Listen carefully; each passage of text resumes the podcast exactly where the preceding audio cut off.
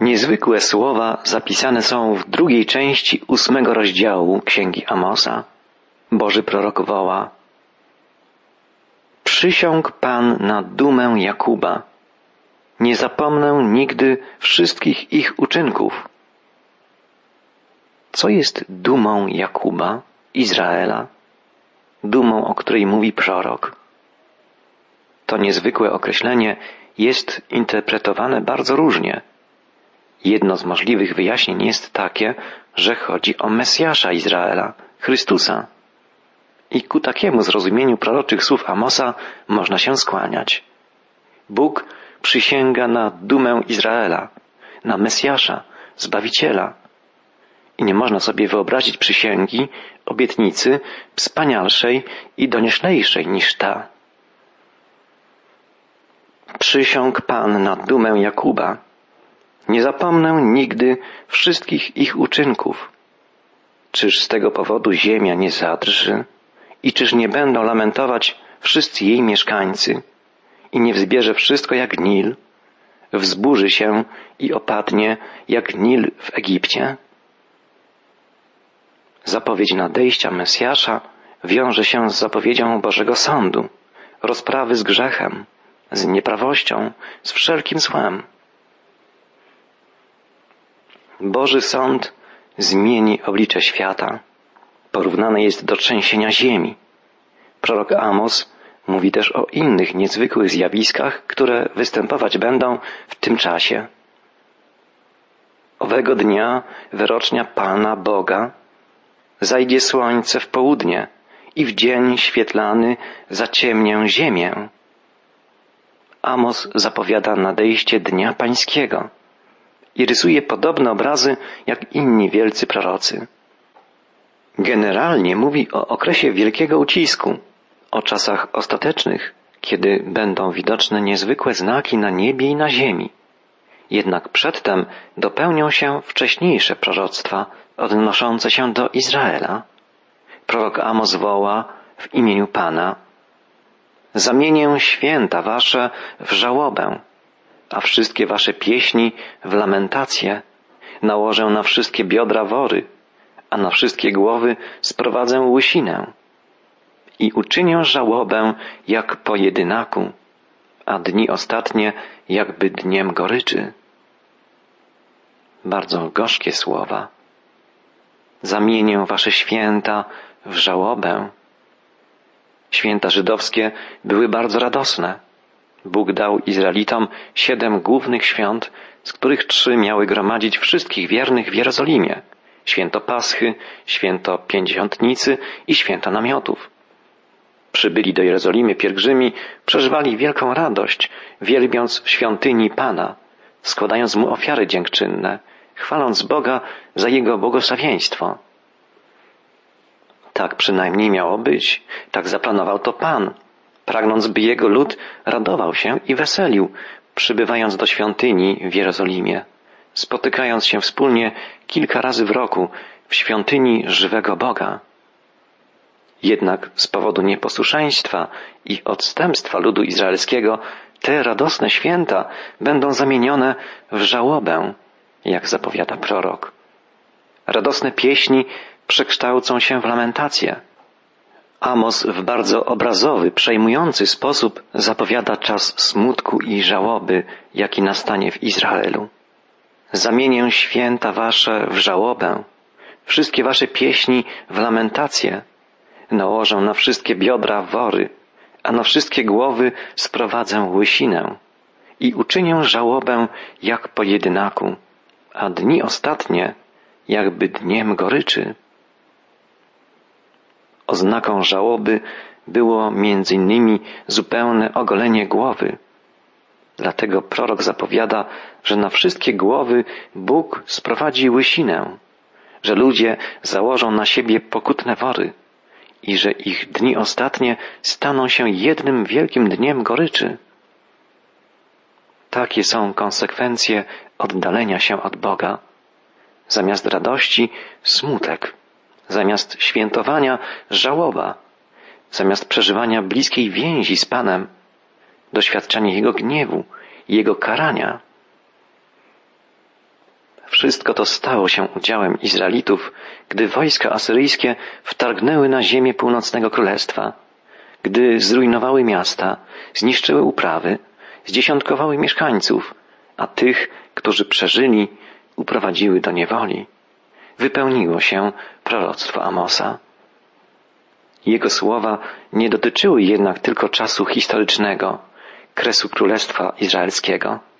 W szerszym rozumieniu były przepowiednią tego, co będzie działo się poprzez wieki. Czas goryczy, czas wygnania, czas trudnych doświadczeń dla Izraela będzie trwał długo, setki, tysiące lat. Dopiero w czasach eschatologicznych, ostatecznych, nastąpi odrodzenie Izraela, powrót ludu Bożego do Ojczyzny i wielkie przebudzenie duchowe. O tym mówić będziemy w czasie następnego naszego spotkania, gdyż słowa zapowiadające odnowę mesjańską Izraela znajdują się w końcowej części Księgi Amosa. Dzisiaj przytoczmy tylko słowa zamykające księgę. Amos przekazuje obietnicę Pana. Uwolnię z niewoli lud mój izraelski. Odbudują miasta zburzone i będą w nich mieszkać. Zasadzą winnice i pić będą wino. Założą ogrody i będą jeść z nich owoce. Zasadzę ich na ich ziemi, a nigdy nie będą wyrwani z ziemi, którą im dałem, mówi Pan, Bóg Twój. Tak kończy się poselstwo księgi Amosa. Ale już w słowach, nad którymi dzisiaj medytujemy, znajduje się niezwykła zapowiedź mesjańska. Prorok, przepowiadając czas smutku, goryczy w Izraelu, woła w imieniu Pana i uczynię żałobę jak po jednaku. Tę zapowiedź Amosa możemy odnieść do proroctwa Zachariasza. Na dom Dawida i na mieszkańców Jeruzalemu wyleję ducha łaski i błagania. Wtedy spojrzą na mnie, na tego, którego przebodli i będą go opłakiwać, jak się opłakuje jedynaka i będą gorzko biadać nad nim, jak gorzko biadają nad pierworodnym. Apostoł Jan, opisując mękę Jezusa na krzyżu, odwołuje się do tych proroctw. Czytamy w Ewangelii, wypełniło się pismo. Zobaczą, kogo przebodli. W księdze Apokalipsy Jan woła, oto przychodzi wśród obłoków i ujrzy go wszelkie oko, także ci, którzy go przebodli i będą biadać nad nim wszystkie plemiona ziemi. Wypełniają się i będą się wypełniać zapowiedzi proroków i apostołów wypełniają się i będą się wypełniać proroctwa Biblii. Także i to kolejne proroctwo Amosa. Oto nadejdą dni, wyrocznia Pana Boga, gdy ześlę głód na ziemię. Nie głód chleba, ani pragnienie wody, lecz głód słuchania słów pańskich. Będzie to wyjątkowy, niezwykły głód. Nie głód chleba, nie pragnienie wody, ale głód i pragnienie słuchania Słowa Bożego. Bóg przemawiał do Izraela, posyłał swoich proroków, zwiastujących Słowo Pańskie, ale nie usłuchali. Odrzucili Boże wskazania, napomnienia, odrzucili Bożą prawdę, odwrócili się od Pana, odmówili Mu posłuszeństwa. Bóg zapowiada poprzez usta proroka, że nadejdzie dzień, kiedy przestanie do nich przemawiać.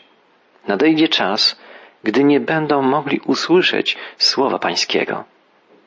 Tak się stanie. Naród żydowski zostanie podbity i uprowadzony do niewoli. Ich ziemię zamieszkają obce ludy, a Bóg zamilknie. Nie będzie przemawiał przez setki lat nie będzie już więcej posyłał proroków Izraelowi. Amos woła, wtedy błąkać się będą od morza do morza, z północy na wschód będą krążyli, by znaleźć słowo pańskie, lecz go nie znajdą. Drogi słuchaczu, Te słowa są wielką przestrogą także dla nas. Dotyczą także naszego narodu. Musimy zadać sobie pytanie, czy słuchamy Słowa Bożego. Mamy w naszym kraju wiele kościołów, mamy w niemal wszystkich domach Pismo Święte. Ale czy wsłuchujemy się w Słowo Boga? Czy nie jest tak, że mimo wszystkich kazań, jakie słyszymy, mimo iż na półkach w naszych domach leżą Biblie, tak naprawdę nie studiujemy Bożego Słowa? Nie zastanawiamy się nad prawdami objawionymi nam przez Pana? Nie stosujemy się w życiu na co dzień do Jego wskazań, Jego pouczeń? Jak to powinno być w naszym życiu, ukazuje nam najdoskonalej przykład samego Pana Jezusa. On żył Słowem Bożym w każdej chwili. Słowem Bożym odpierał pokusy. Słowo Boże cytował, gdy rozmawiał z przyjaciółmi i z przeciwnikami. Na Słowo Boże powoływał się w czasie swoich modlitw i kiedy umierał na krzyżu.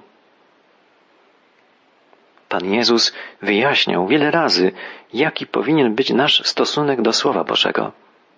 Na przykład pewnego dnia, w czasie rozmowy z uczniami i nauczając tłumy, Jezus opowiedział piękną przypowieść, która została zapisana przez trzech ewangelistów. W Ewangelii Łukasza czytamy, a gdy się zeszło wiele ludu i z miast przybywali do niego, rzekł w podobieństwie.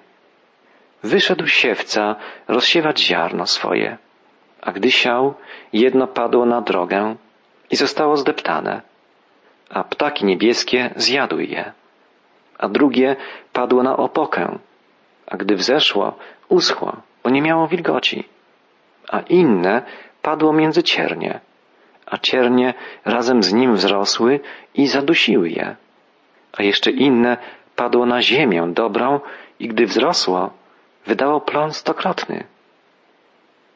I pytali go jego uczniowie, co znaczy to podobieństwo? A on im rzekł, podobieństwo to znaczy, ziarnem jest Słowo Boże, a tymi na drodze są ci, którzy wysłuchali, potem przychodzi diabeł i wybiera słowo z serca ich, aby nie uwierzyli i nie byli zbawieni a tymi na opoce są ci, którzy, kiedy usłyszą, z radością przyjmują słowo, ale nie mają korzenia. Do czasu wierzą, a w chwili pokusy odstępują. A to, które padło między ciernie, oznacza tych, którzy usłyszeli, ale idąc drogą wśród trosk, bogactw i rozkoszy życia, ulegają przyduszeniu i nie dochodzą do dojrzałości. A to, które padło na dobrą ziemię, oznacza tych, którzy szczerym i dobrym sercem, usłyszawszy słowo, zachowują je i w wytrwałości wydają owoc. Siewcą jest Jezus. Ziarno to Jego słowo.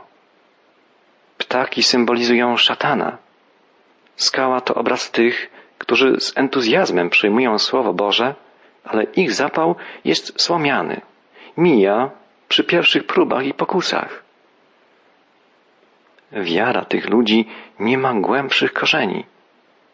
Ciernie symbolizują doczesne troski, ale także przyjemności, bogactwo, wszystko co zagłusza wiarę i zamienia życie w bezcelową wegetację. Niewiele ziaren pada na dobrą, żyzną glebę to obraz tych, którzy zostają prawdziwie nawróceni i przemienieni przez Słowo Boże. Zwycięsko przechodzą przez próby, bo są mocno zakorzenieni w Chrystusie poprzez wiarę. Są wytrwali i wydają owoc, to znaczy żyją, czyniąc miłość. To jest właściwy obraz chrześcijanina, czyli człowieka Chrystusa. Ktoś, kto ma szlachetne i dobre, przemienione serce, będące dobrą glebą dla Bożego Słowa. Boże Słowo kieruje myślami i czynami takiego człowieka i rodzi miłość. Taki chrześcijanin jest jak drogowskaz, kierujący innych do Boga. Możemy zapytać samych siebie, każdy z nas osobiście, czy moje życie jest przemieniane przez Boże Słowo? Czy to Słowo Boga kształtuje moją osobowość, wpływa na moje myśli, na moje uczucia, kieruje moimi czynami, decyduje o tym, jak postępuję, decyduje o całej mojej postawie życiowej?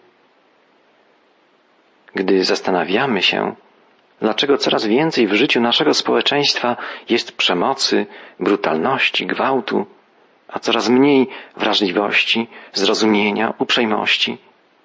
Musimy szczerze odpowiedzieć sobie na pytanie, w jakim stopniu Boże Słowo kształtuje duchowość i morale naszego narodu.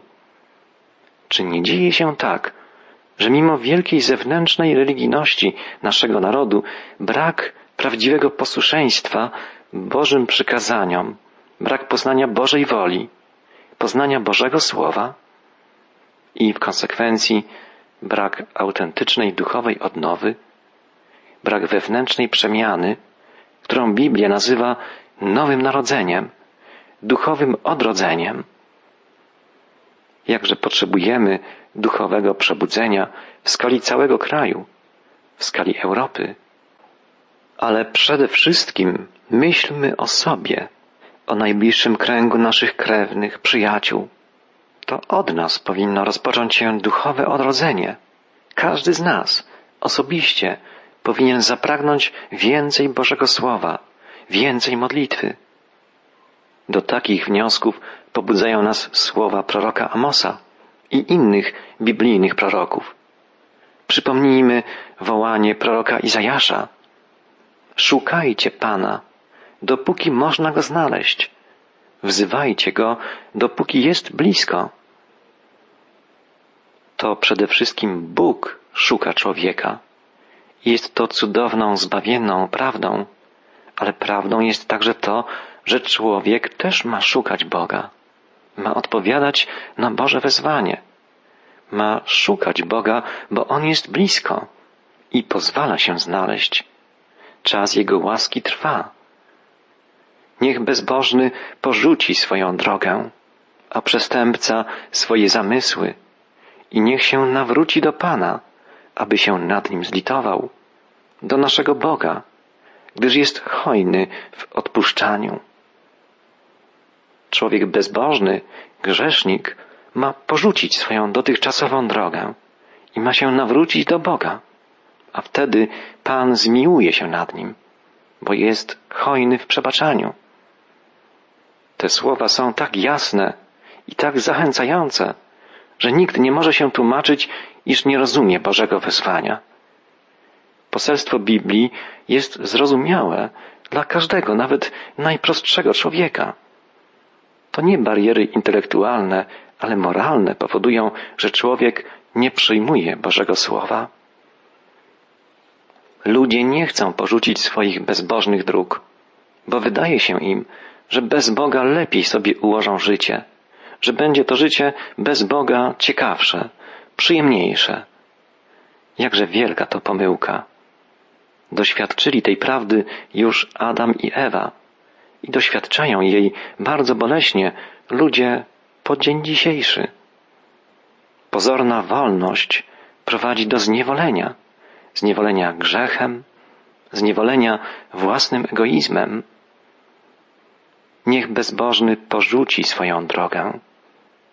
Niech się nawróci do Pana, aby się nad nim zlitował bo myśli moje to nie myśli wasze, a drogi wasze to nie drogi moje, mówi Pan. Lecz jak niebiosa są wyższe niż ziemia, tak moje drogi są wyższe niż drogi wasze i myśli moje niż myśli wasze. Drogi Boże są inne niż drogi ludzkie. Bożą drogą jest droga zbawienia. Apostoł Paweł, pisząc do Galacjan, podkreślał, Oznajmiam wam, bracia, że Ewangelia, którą ja zwiastowałem, nie jest pochodzenia ludzkiego. Nie otrzymałem jej bowiem od człowieka, ani mnie jej nie nauczono, ale otrzymałem ją przez objawienie Jezusa Chrystusa. Dobra nowina o zbawieniu to nowina pochodząca od Boga. Nie jest to pomysł człowieka. Jest to Boża droga ratunku, Boży plan ocalenia człowieka. Gdyby zbawienie zależało od nas, ludzi, bylibyśmy wszyscy zgubieni. Ale to Bóg przygotował dla nas ratunek. Posłał nam Jezusa Chrystusa, swego jedynego Syna. Gdyż jak deszcz i śnieg spada z nieba i już tam nie wraca, a raczej zrasza ziemię i czyni ją urodzajną, tak iż porasta roślinnością i daje siewcy ziarno, a jedzącym chleb, tak jest z moim słowem, które wychodzi z moich ust. Nie wraca do mnie puste, lecz wykonuje moją wolę i spełnia pomyślnie to, z czym je wysłałem. Nie ludzkie wysiłki, nie ludzka mądrość, ale Boże działanie i mądrość Boża objawiona nam w Biblii, to jest Boża droga zbawienia, jedyna droga ratunku dla każdego grzesznika. Słowo Boże ma moc odnawiającą, moc odradzającą. Bóg objawia samego siebie, swoją moc, swoją miłość, dobroć, łaskawość poprzez swoje słowo. Gdyby nie to, bylibyśmy zgubieni. Nie jesteśmy bowiem w stanie dotrzeć do Boga w jakikolwiek sposób o własnych siłach. To On przychodzi do nas w swoim słowie. To On się nam objawia, staje się jednym z nas. Słowo ciałem się stało i zamieszkało pośród nas. Słowo Boże podobne jest do deszczu, deszczu błogosławieństw. Jeśli serce człowieka otwiera się na ziarno Bożego Słowa, dzieje się w wymiarze duchowym coś podobnego jak w świecie przyrody. Podlane deszczem błogosławieństw ziarno Bożego Słowa kiełkuje i rośnie w człowieczej duszy i wydaje obfite plony w życiu człowieka. Prorok Amos woła, oto nadejdą dni wyrocznia Pana, Boga, gdy ześlę głód na ziemię. Nie głód chleba, ani pragnienie wody, lecz głód słuchania słów pańskich. Wtedy błąkać się będą od morza do morza, z północy na wschód będą krążyli, by znaleźć słowo pańskie, lecz go nie znajdą. W dzień ten pomdleją z pragnienia piękne dziewice i młodzieńcy. Człowiek nie może żyć bez Boga. Może jedynie egzystować. Duchowo jest martwy, a nawet gdy wydaje się mu, że żyje, to omdlewa, upada, nie mając duchowych sił, pozbawiony duchowego pokarmu. Zapragnijmy całym sercem duchowego chleba Bożego Słowa. Żyjmy naprawdę, żyjmy pełnią życia. Cieszmy się obecnością, dobrocią i miłością naszego Pana.